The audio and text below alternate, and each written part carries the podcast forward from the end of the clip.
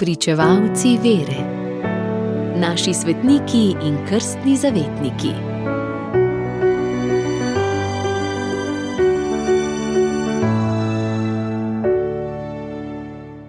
Danes, 30. septembra, goduje sveti Hieronim, cerkveni učitelj.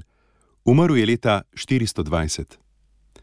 Težko pa je reči, kje je bil tisti Stridon, rojstni kraj svetega Hieronima, tega cerkvenega učitelja krščanskega zahoda in učenega prevajalca svetega pisma.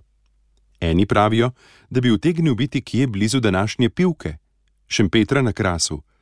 Hrvati pa trdijo, da bi bil verjetneje kje v Istri ali severni Dalmaciji. Pa ni tako pomembno, kje je Hieronim prišel na svet. S svojim plodovitim in vsestranskim delom, zlasti s prevodom svetega pisma, ki je znan pod imenom Vulgata, to je razširjena, je postal last vse cerkve za vse čase.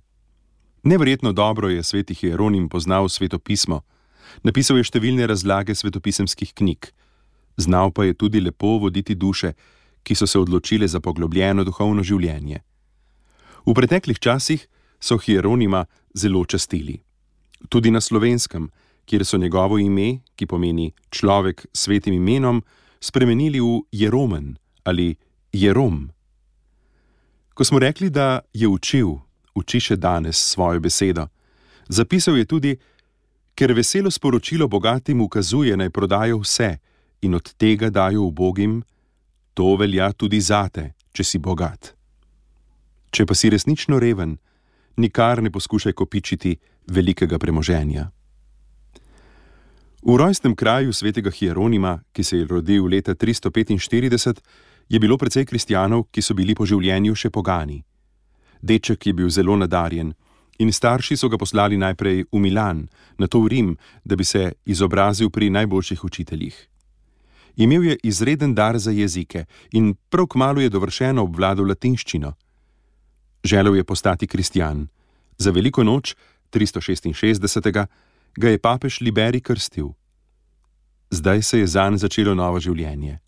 Potoval je v Galijo, spotoma se je za nekaj časa ustavil v Ogleju, tedajni Akvileji, kjer se je seznanil z družbo duhovnikov in resnih kristijanov, ki so skupaj prebirali svetopismo in se pogovarjali o bogoslovnih in duhovnih vprašanjih. Ostal je z njimi v pisnih stikih, dopisoval pa si je tudi s podobno družbo v Emoni, tedajni rimski ljubljani. Pozneje je kot duhovnik v Rimu pobožnim ženam razlagal svetopismo. Odpravil se je na vzhod, bil v Carigradu učenec velikega crkvenega učitelja svetega Gregorja Nacijanskega, potem v Rim spremljal antiohijskega škofa, bil je obložen s svojimi dopisi, rokopisi, kar je vzbudilo zanimanje papeža Damaza, ki ga je imenoval za svojega tajnika.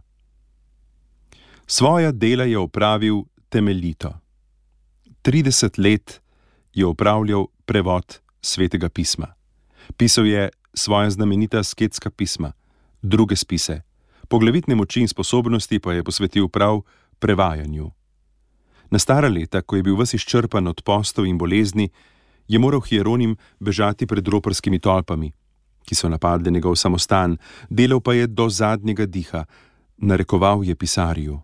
Sveti Hieronim je umrl na današnji dan leta 419 ali 420 njegove posmrtne ostanke pa so pozneje prenesli v baziliko Marije Velike v Rimu. Radio Ognišče, vaš duhovni sopotnik.